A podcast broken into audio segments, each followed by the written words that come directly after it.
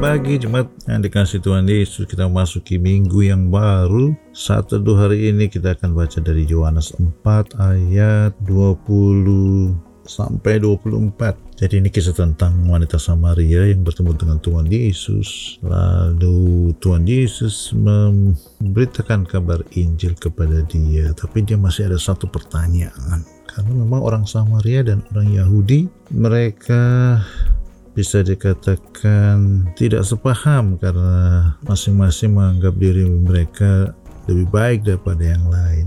Wanita ini berkata, "Kami menyembah di atas gunung ini, tapi kamu katakan bahwa Yerusalem lah tempat orang menyembah." Ya karena setelah kerajaan itu terpisah, orang Yahudi, Yehuda tetap beribadah di Yerusalem, tapi Yerobeam yang waktu itu memisahkan diri dari kerajaan Yehuda membuat sendiri ibadah supaya mereka tidak harus pergi ke Yehuda untuk beribadah. Berapa keturunan setelah itu akhirnya mereka masih saling membenarkan diri di mana mereka harus beribadah tetapi Tuhan berkata gini percayalah kepadaku hai perempuan saatnya akan tiba bahwa kamu akan menyembah Bapa bukan di gunung ini dan bukan juga di Yerusalem. Wow, Tuhan Yesus bilang bukan di Yerusalem, bukan di bait Allah di Yerusalem menyembah Tuhan.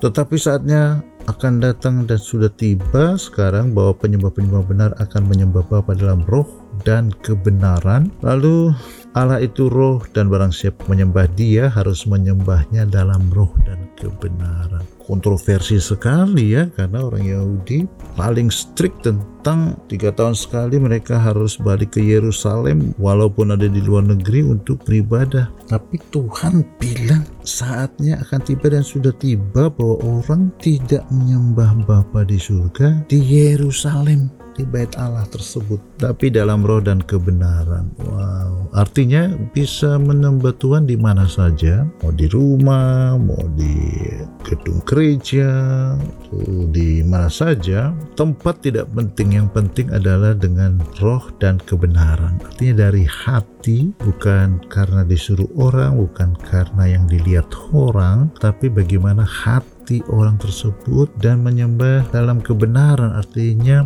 sesuai dengan apa yang Tuhan mau tidak berpura-pura tidak memakai topeng supaya dilihat orang supaya membenarkan diri sendiri sudah beribadah tapi benar-benar dengan tulus dengan tanpa kepalsuan dari hati yang terdalam beribadah kepada Tuhan. Dan saya yakin itu adalah kunci kekuatan yang besar kalau kita lakukan di dalam hidup kita. Haleluya. Hari ini mungkin kita sedang bekerja, beraktivitas, tapi kita bisa di mana saja beribadah kepada Tuhan. Kita bisa menyembah Tuhan, kita bersekutu dengan Dia asal ada ketulusan dan dengan penuh kerinduan. Haleluya. Amin.